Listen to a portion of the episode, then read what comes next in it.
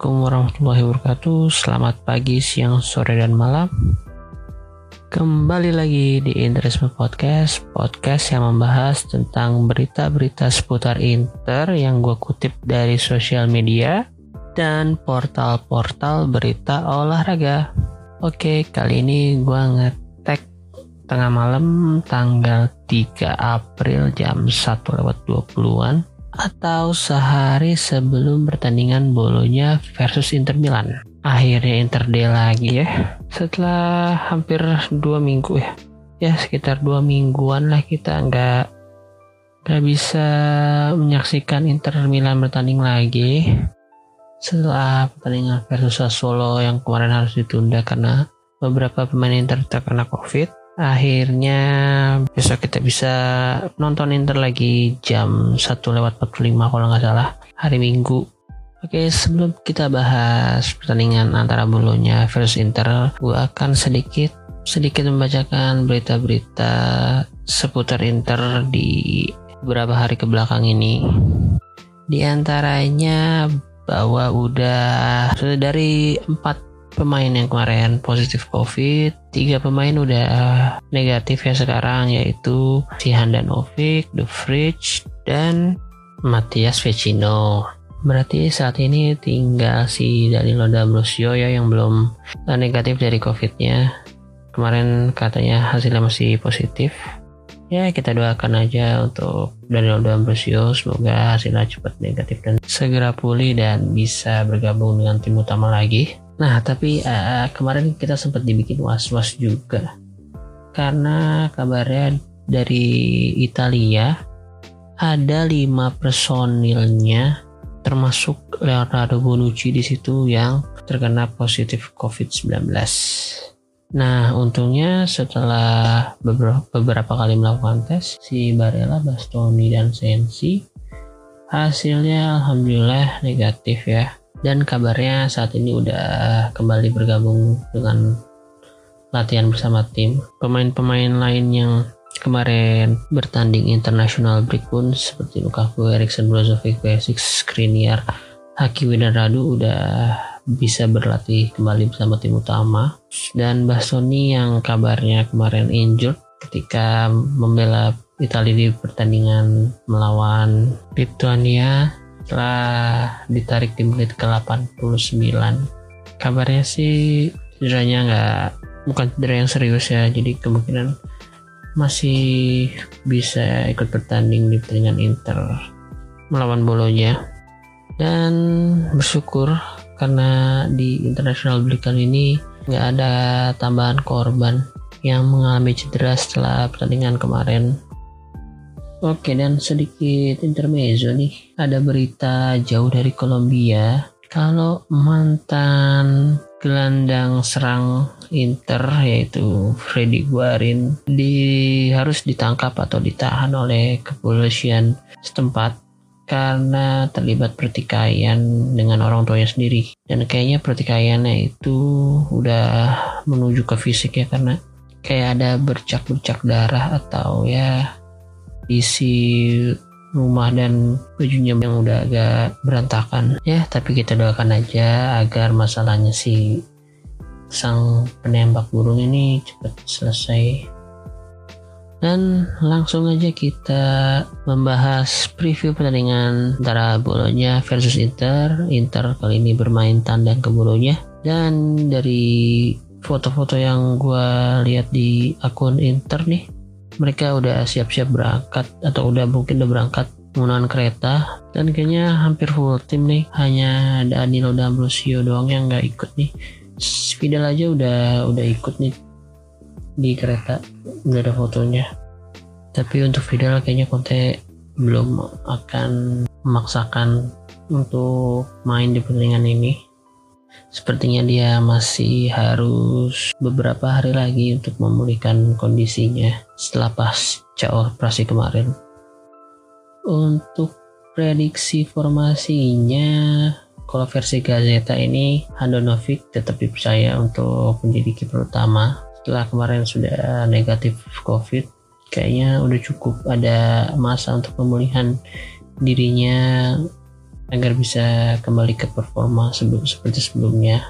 Dan ya yes, gue sedikit feel bad for si Radu karena gagal debut di musim ini. Maksudnya gagal main untuk pertama kalinya di musim ini si Radu. Dan untuk sektor back tetap menggunakan tiga back yaitu kali ini ada Skriniar, Ranocchia dan Bastoni. Ranocchia kayaknya akan dipercaya untuk main sebagai starter setelah si David kemarin sempat terkena positif COVID namun kemarin baru aja negatif tapi kayaknya masih sedikit butuh waktu untuk pemulihan agar kondisinya bisa balik seperti sebelumnya. Dan ini sedikit sedikit diperlukan juga sebenarnya rotasi ini karena di bulan April ini Inter akan banyak bertanding yaitu sebanyak enam kali. Dan ada pertandingan midweek juga besok lawan Sassuolo. Ya semoga aja si David sudah bisa comeback ketika melawan Sassuolo Oke, untuk gelandang Hakimi, Barella, Brozovic, Erikson dan Young. Untuk Erikson ini kayaknya akan akan 50-50 dengan Gagliardini karena Erikson kemarin lumayan banyak main di timnas Denmark lumayan banyak menit bermainnya walaupun pertandingan kemarin sebenarnya dia hanya cuma main beberapa belas menit ya ya cuman tipikal Conte lah cari yang pasti-pasti aja. Walaupun sebenarnya justru si Gagliardini ini yang menurut fans fans Inter nggak pasti performanya. Dan untuk yang juga lebih diunggulkan untuk menjadi starter dibandingkan Perisic karena Perisic juga mungkin sedikit kelelahan ya kan karena di pertandingan terakhir dia bermain ya kurang lebih 39 menit dan mencetakkan satu gol satu assist di bersama Kroasia. Ya lagi-lagi rotasi juga diperlukan sangat diperlukan untuk bulan April ini. Dan di posisi penyerang seperti biasa ada Lukaku dan Lautaro. Nah Lukaku untungnya kemarin pertandingan terakhir Belgia dia nggak dimainkan. Dan Lautaro juga kemarin kan nggak berangkat untuk World Cup qualifier jadi harusnya mereka berdua bisa fit di pertandingan lawan Bolonya besok. Dan di sisi bulunya di sini ada beberapa pemain Inter yang nggak bisa ikut bertanding. Di antaranya ada Rodrigo Palacio yang terkena akumulasi kartu kuning. Kemudian Ibrahim Ambaye dan Medel masih diragukan tampil karena masih mengalami cedera sedangkan si Andrea Poli ada di namanya ada di bangku cadangan.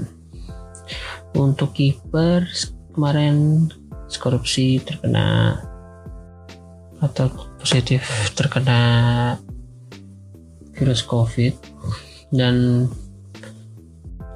di posisi penjaga gawang bolonya akan memainkan Rafilia. Kiper yang baru berusia 21 tahun yang musim ini baru bermain satu kali di Serie A dan langsung kebobolan 5 gol ketika melawan AS Roma. Semoga kondisi ini bisa menguntungkan Inter ya karena Skorupski itu di pertandingan paruh pertama ketika melawan Inter bermain cukup bagus bisa mendapatkan beberapa save kemarin dan kehilangan Skorupski harusnya menjadi tik lemah bagi bolonya cuman di sisi lain kita tetap harus maksudnya Inter harus tetap waspada dengan pemain-pemain randomnya si bolonya ini kalau kita masih ingat tentunya musim kemarin kalau kita terkena comeback oleh bolonya dengan sosok seorang juara nih.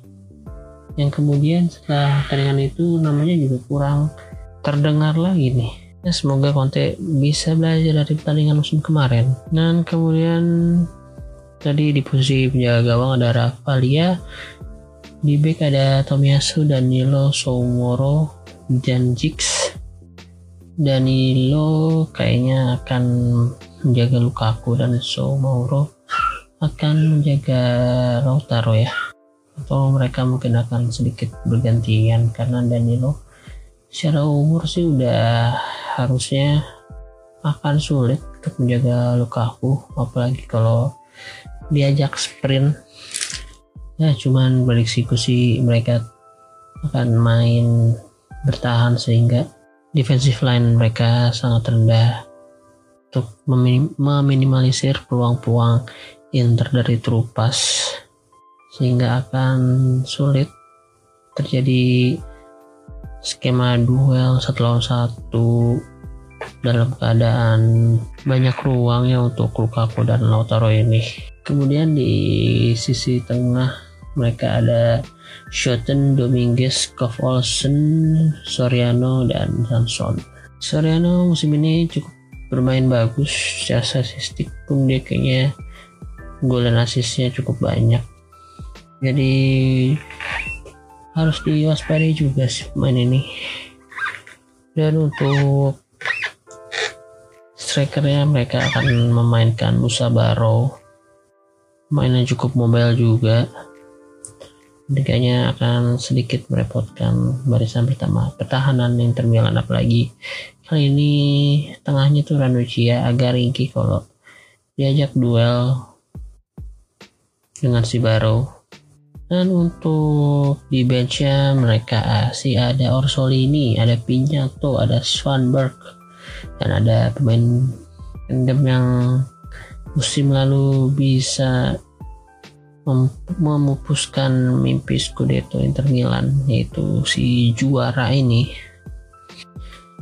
Secara klasmen sih bolonya ada di posisi 11 posisi yang cukup aman jauh dari zona degradasi dan posisi yang cukup sulit untuk mencapai zona Eropa atau mungkin kayaknya udah hampir nggak ada peluang ya untuk menuju ke zona Eropa.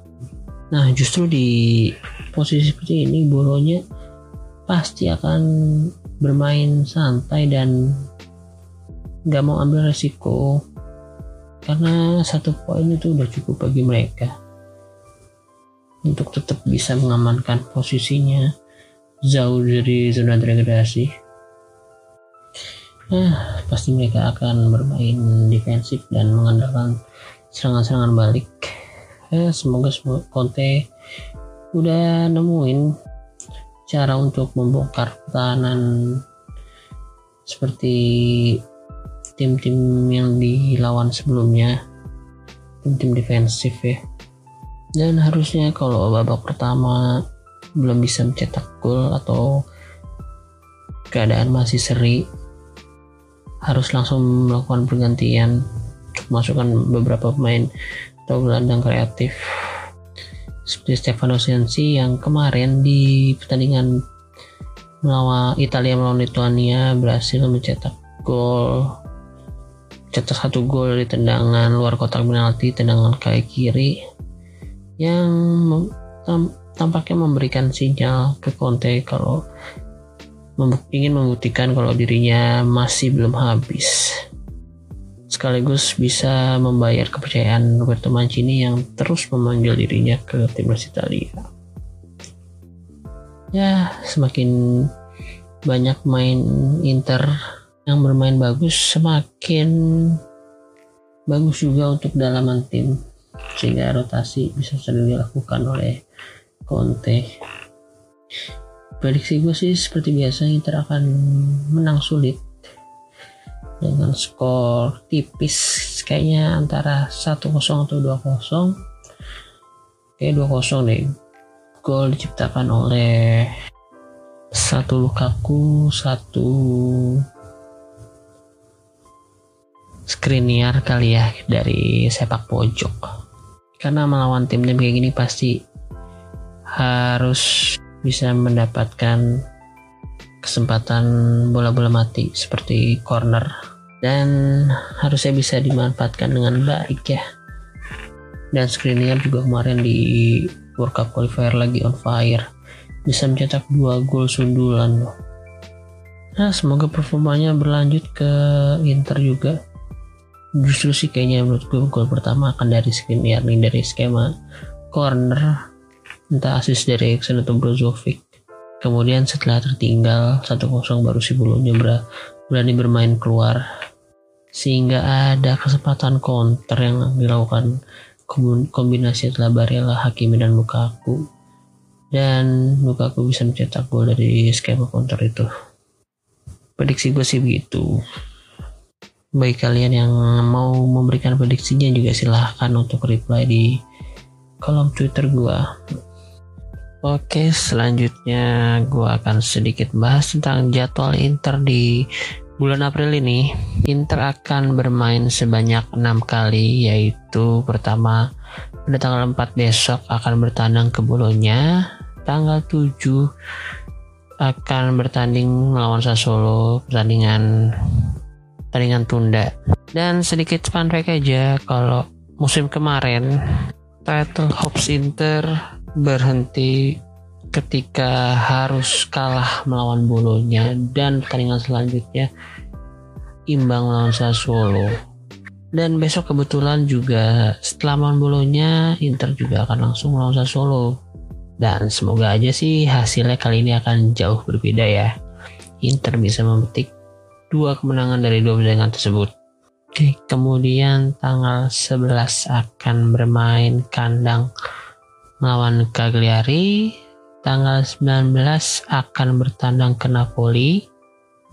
Oke, pertandingan ini akan sulit untuk Inter ya karena pastinya Napoli akan berusaha membalas kekalahannya di paruh pertama melawan Inter apalagi kalahnya cuma hanya dari gol penalti dan Napoli juga masih berjuang untuk mempertahankan posisinya agar musim depan masih bisa bermain di Eropa.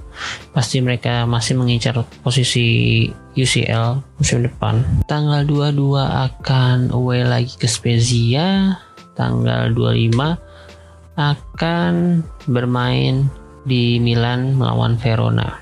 Kalau berpikir realistis sih prediksi gua akan mendapatkan 4 hasil menang dua hasil imbang atau 5 menang satu kali imbang. Dan imbangnya ini kayaknya akan di antara Napoli dan Sassuolo nih. Agak-agak tricky nih soalnya nih. Melawan dua klub ini. Di sisi lain kalau lawan Napoli sebenarnya kalau mereka tampil menyerang Inter lebih diuntungkan dengan main-main cepat yang dimiliki Inter. Cuman di sisi lain kedalaman squad Inter akan sangat diuji nih di bulan April ini nih. Jadi Conte harus bisa benar-benar melakukan rotasi terutama dari tengah. Karena di tengah ini lumayan banyak ya pemainnya. Apalagi kalau Vidal sembuh besok stok lini tengah Inter mas akan banyak kan. Sensi juga udah merumput lagi Vecino juga udah sembuh dari cederanya dan pulih dari covid. Gue harap sih lini tengah Inter akan bervariasi ya rotasinya yang dilakukan oleh Conte. Dan Inter juga akan bermain dua kali di midweek pada bulan April. Satu pertandingan tunda melawan Solo dan satu lagi ketika away ke Spezia. Tapi kalau secara harapan sih harapannya pasti Inter masih bisa menyapu bersih semua kemenangan di bulan April ini. Nah, menurut gue sih kuncinya di, di rotasi pemain ya rotasi pemain belakang dan tengah. Oke, sekian aja untuk episode kali ini. Kita doakan aja hasil yang terbaik untuk tim kesayangan kita Inter Milan ini yang baru juga melaunching logonya. Harapan gue masih sama, logo baru, semoga langsung dapat prestasi. Dan secara finansial pun lebih bisa menarik perhatian sponsor-sponsor atau fans-fans untuk membeli merchandise originalnya karena kemarin gue suka banget tuh dengan jaketnya yang semi-semi bomber gitu. Kalau ongkir yang gak mahal dari Itali kayaknya langsung gue pesen juga tuh kemarin. Gue masih mikir-mikir aja nih sama ongkirnya. Makanya harapan gue juga dari dulu tuh Interstore buka lah di Indonesia atau di negara-negara Asia lah sehingga ongkirnya bisa lebih murah itu bisa dimasukin ke Shopee biar free ongkir gitu. Atau Zalora juga boleh. Zalora kan bisa kiriman dari, barang dari luar negeri juga tuh. Oke terima kasih untuk kalian semua yang udah mau dengerin sampai menit kesekian. Tolong untuk follow dan share akun Twitter kita di Inter Ismi Media dan akun Spotify juga di Interisme Podcast. Dan bagi kalian yang mau memberikan saran atau masukan kepada gua, boleh langsung komen atau melalui DM di Twitter. Kalau kalian juga mau ngasih topik-topik yang mau dibahas, boleh langsung reply atau DM juga. Oke, sekali lagi terima kasih. Arrivederci, Forza